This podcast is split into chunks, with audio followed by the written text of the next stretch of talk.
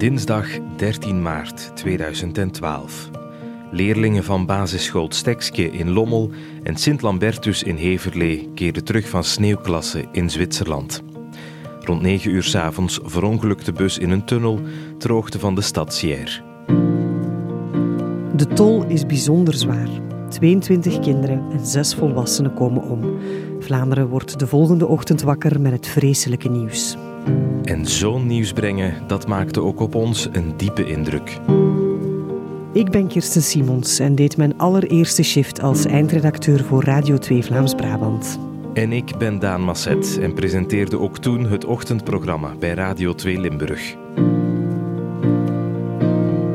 Het hele land was triest. Er volgden drie dagen nationale rouw, vlaggen hingen halfstok en aan de getroffen scholen werden massa's knuffels, tekeningen en bloemen neergelegd. In deze podcast praten we met enkele mensen die het drama van dichtbij meemaakten. Mensen die geraakt zijn, maar die zich ook verbonden voelen. Mensen die het verdriet van Sierre voor altijd meedragen.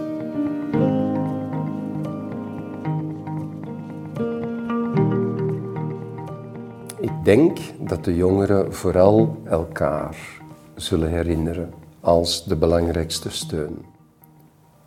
Ja, het was echt het falen van de wereld van de volwassenen. Het busongeval van Sierre heeft een enorme impact gehad. Niet alleen op de kinderen die erbij betrokken waren, maar ook op de ouders, de broers, de zussen.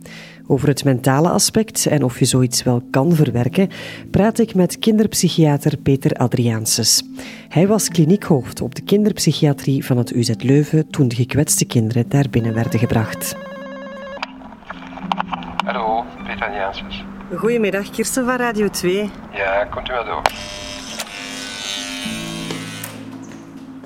Als wij ja, van uh, de ramp in Sierre hoorden uh, en dat er een uh, groep kinderen naar Gasthuisberg zou gebracht worden, ja, dan wisten wij onmiddellijk van oké, okay, we, we moeten daar ook de psychologische traumazorg voor organiseren. Wij hebben wel gelukkig meteen kunnen beslissen met het ziekenhuis van we gaan een afdeling vrijmaken, waar dat we al deze kinderen samenbrengen. Uh, waar dat ook hun ouders kunnen verblijven en waar wij ook kunnen samenzitten met die ouders.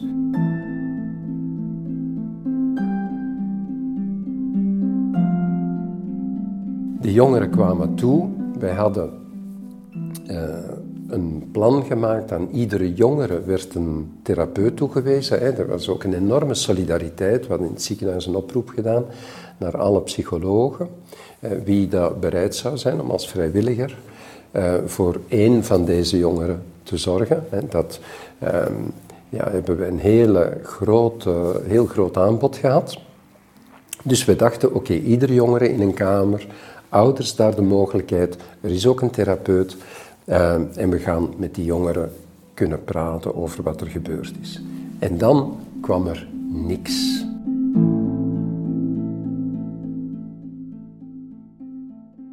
Dat, uh, dat was zeer confronterend. Een afdeling die vol lag met toch ook zwaar gekwetste jongeren, waarvan we ja, ook toch nog maar de eerste informatie begonnen te krijgen dat, dat die iets heel vreselijk moesten meegemaakt hebben. Maar het was doodstil op die afdeling. Die kinderen die zeiden niks. En uh, als wij bij die jongeren langs gingen en zo, een gesprek dat kwam niet op gang. Uh, en ook die ouders zeiden dat, dat uh, ja, die wilden allemaal van alles weten van hun kind, hè, maar die kinderen ontweken die antwoorden. Peter Adriaanses gaat te raden bij zijn Engelse collega's. Zij hadden jaren voordien de overlevenden opgevangen van het gezonken schip Herald of Free Enterprise. Toen werden er ook kinderen bevrijd. De Engelsen die hadden dus al wat expertise.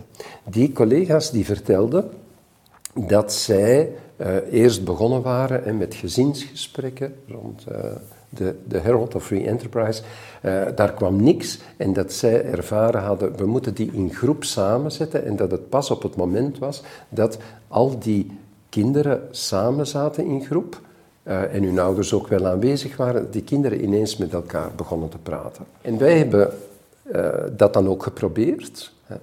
Um, in, in een centrale ruimte, die normaal de verpleegwacht was, dat alle jongeren die enigszins de kamer uit konden, dat was toch een grote groep, heel vaak natuurlijk in een bed of in een rolstoel, en dat we die in een ja, ongeveer kring zetten. Ja, en dat hun ouders zich mochten zetten achter de bedden.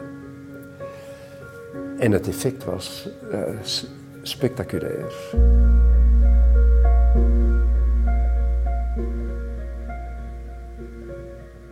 Ineens begonnen die jongeren allemaal te praten met elkaar over uh, wat herinnerde jij u nog? Weet jij hoe dat het eigenlijk gegaan is met? En die, die begonnen ook herinneringen te delen over de fase waarin zij helemaal alleen waren in de bus voordat de hulpverleners kwamen.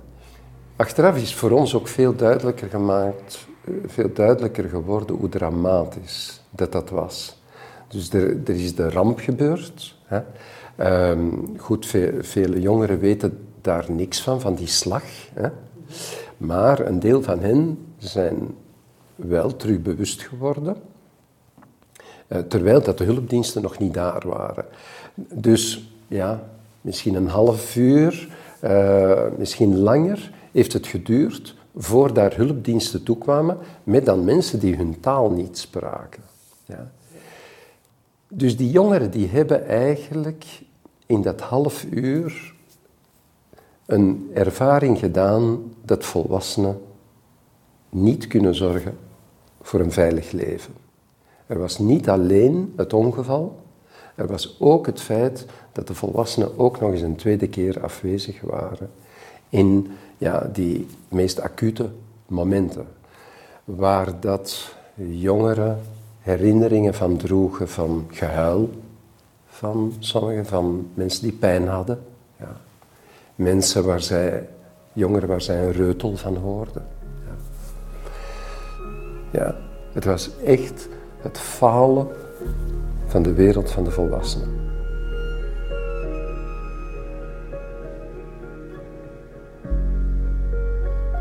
De uh, jongeren die uh, bleven hopen dat er toch nog goed nieuws zou komen over een van hun vrienden. Uh, maar ook thema's als uh, schuldgevoel. dus we hoorden jongeren vertellen die, ja, zoals dat je je dat kunt voorstellen, hè, in een bus uh, vol schoolgaande jeugd, men was van plaats veranderd. Ja. Ehm, en Ineens zat je dus blijkbaar op een plaats waar je overleefd had, maar iemand anders was overleden. Dat is iets wat dat met deze jongeren meegegaan is. Dus het was ook vrij snel duidelijk dat deze jongeren zouden blijven leven met de doden. De doden hadden absoluut hun, hun plaats, werden niet vergeten.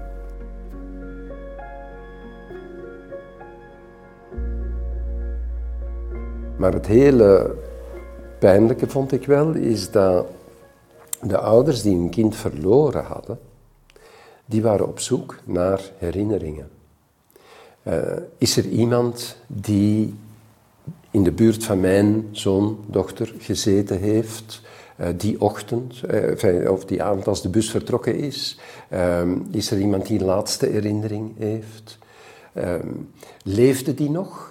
Uh, onmiddellijk na het ongeval is die gestorven eigenlijk in uh, die eerste minuten of uh, half uur. Um, en wij zagen heel duidelijk dat ehm, de jongeren bij ons bang waren om daarover te praten. Dat, zij, dat er een soort omerta bestond. Zij wilden niemand pijn doen. Zij zeiden allemaal, nee, ik herinner me eigenlijk niks meer, ik herinner me niks meer. Terwijl ja, het was wel duidelijk dat dat niet zomaar uitgeveegd was. De jongeren willen de anderen dus beschermen voor de gruwel die ze zelf hebben meegemaakt. Intussen liggen er ook nog altijd klasgenootjes van hen op intensieve zorgen. En zij herstellen slecht. Uh, het was heel duidelijk dat een soort depressieve stemming dat herstel bemoeilijkte.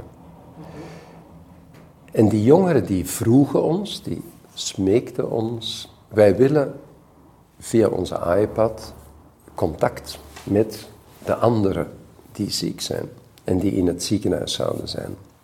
Vanuit psychologische kant hè, vonden wij dat een evidente vraag, maar dat was het helemaal niet voor de intensivisten, de, de anesthesisten die daar werken, die in een afdeling waar dat uh, steriliteit een hele grote rol speelt, waar dat um, ja, men uh, bang was dat men zou kunnen inbreken via zo'n iPad en uh, in een afdeling die vol elektronische toestellen staat en zo. Dus dat, dat heeft een tijdje geduurd, die discussies, maar we zijn daardoor geraakt. Er is een akkoord gekomen van oké, okay, we, we moeten dat toch eens proberen voor die kinderen. En dat effect was spectaculair. Ja. En dan, dan kwam pas naar boven dat de paar jongeren die op intensieve lagen, die waren eigenlijk overtuigd dat iedereen dood was, buiten zij. Die, dat wantrouwen aan volwassenen, de volwassenen die ja, het busongeval veroorzaakt hebben, de volwassenen die er niet waren in dat eerste half uur, uur, de volwassenen die de taal niet spraken van de kinderen. Ja. Ja, en dan komen die volwassenen zeggen, er is een hele groep hè, die hier ook in het ziekenhuis is, maar op een ander verdiep. Um, en je gaat die kunnen zien als, als het beter gaat met u. Zij bleken overtuigd te zijn, wij worden hier uh, in, in de doeken gedaan. En door de iPad zagen die ineens hun collega's, klasgenoten, uh, die die iPads doorgaven van de ene naar de andere, hè, um, kwam daar een hele dialoog op gang. Ook voor de kinderen op de gewone afdeling was dat een oef van, um, ja, dus die paar die, die zijn wel degelijk nog in leven, zijn niet meer in coma, um, gaan er ook doorkomen. Dat, uh, en ik vond, ik vond het natuurlijk een hele mooie ervaring hoe dat eigenlijk die jongeren en, en hun ouders samen ook voor veranderingen gezorgd hebben in ons ziekenhuis.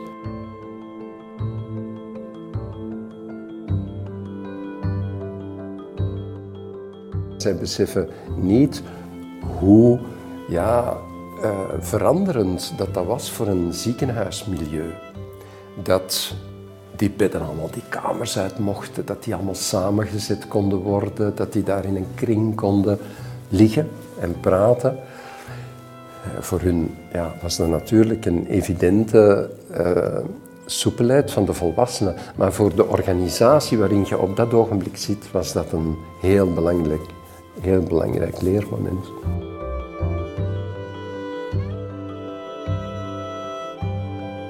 Is het dus vooral doordat die kinderen samen zijn gebracht na het ongeval, dat die daar misschien sterker zijn uitgekomen?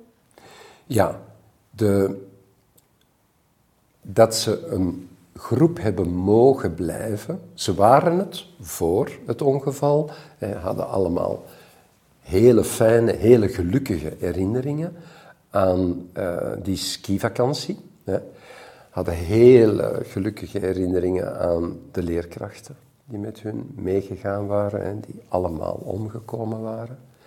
Um, en konden met dezelfde ploeg het erover blijven hebben, met de overlevenden. Um, en daardoor ook blijven praten over wie er niet meer was. En ik denk dat dat nog altijd, als je dan spreekt over psychologische zorg, dat dat de belangrijkste zorg uh, geweest is. Want denk je dat die jongeren daar allemaal over geraken, om het zo te zeggen, of zullen ze dat de rest van hun leven meedragen? De vraag is natuurlijk, wat betekent dat ergens over geraken? Hè? Dat zal altijd een reisgezel van hun leven zijn. Uh, zij zullen altijd mensen zijn die alert zijn voor gevaar. Uh, er waren ouders die uh, hun, kind al eens een dag uit het hospitaal konden meenemen. En ehm, die zeiden van kom, we, we rijden even naar de zee. Ja. Maar dan pas werd duidelijk dat je in België geen autostrade kunt nemen zonder ergens onder iets door te rijden. Ja? Of een tunnel te hebben naar de kust. En dat ja, al deze jongeren in paniek sloegen, begonnen te braken, uh, uit de auto wilden springen terwijl dat hij aan het rijden was. Hè. Jongeren die zelf niet wisten hè, dat, ze dat, dat ze die trigger droegen. Ehm, en, en zo kwamen er nog geluiden naar, naar boven, hè, ehm, die heel duidelijk te maken hadden met die crashgeluiden. Brekend, brekend glas, plooiend staal, de geur van, uh, van materiaal. Um, die, die toch ook verderop in hun leven ja, toch steeds prikken gaan komen geven. Van, ah ja, dat heb ik van toen.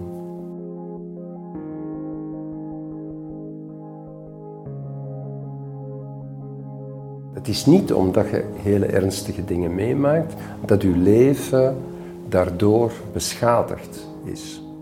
Maar het is wel realistisch van het een eervolle plek te blijven geven in je leven, van niet te doen alsof dat het er niet geweest is. De kinderen zullen het drama volgens Adriaanses hun leven lang meedragen, maar het hopelijk wel kunnen plaatsen. Maar wat betekent zo'n drama eigenlijk voor de kinderpsychiater zelf? Hoe was dat eigenlijk voor u om dat mee te maken? Ja, laat ik zeggen dat op, op, op dat moment was dat voor iedereen van ons, hè, want dat gaat niet alleen over mij, voor iedereen van van ons, psychologen, psychiaters die erbij betrokken waren. Uh, dat was bijna een roeping van oké, hier moeten wij 24 uur op 24 beschikbaar voor zijn. Uh, maar iedereen neemt dat natuurlijk mee naar huis. Want je, je kijkt doorheen de bril van dit, had ook mijn kind kunnen overkomen. Um, en zou ik, zou, zou mijn gezin daar, daar wel tegen bestand kunnen zijn? ja, uw eigen geruststelling over het leven verbetert natuurlijk niet. Hè. Maar tegelijkertijd het feit dat je een, zelf werkt in een ploeg die met trauma te maken heeft, uh, maakt natuurlijk dat je zelf ja, toch een familie hebt. Hè. Dat, uh, dat gevoel heb ik ook altijd heel intens gehad. Uh, we konden terecht bij elkaar. En, uh, en ja, we hadden dat ook heel erg nodig hè, om, dat, om dat te kunnen luchten.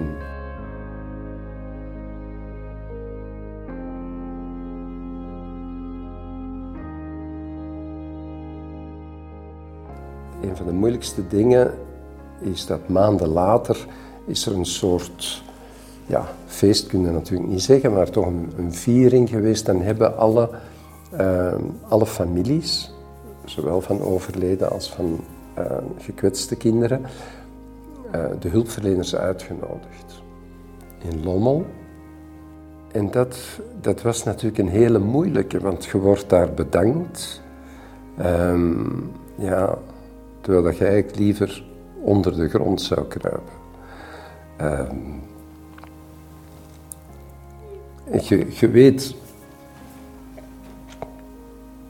je weet hoe dan ook ja, dat, u, dat uw bijdrage marginaal is. Hè? Dat uh, je, je op dat ogenblik voor een zaal vol lijden staat. En dat je weet ook dat je zelf zeker zoveel geleerd hebt als, uh, als dat zij misschien geholpen geweest zijn. Dus ja, je, je veegt dat natuurlijk zelf ook niet uit.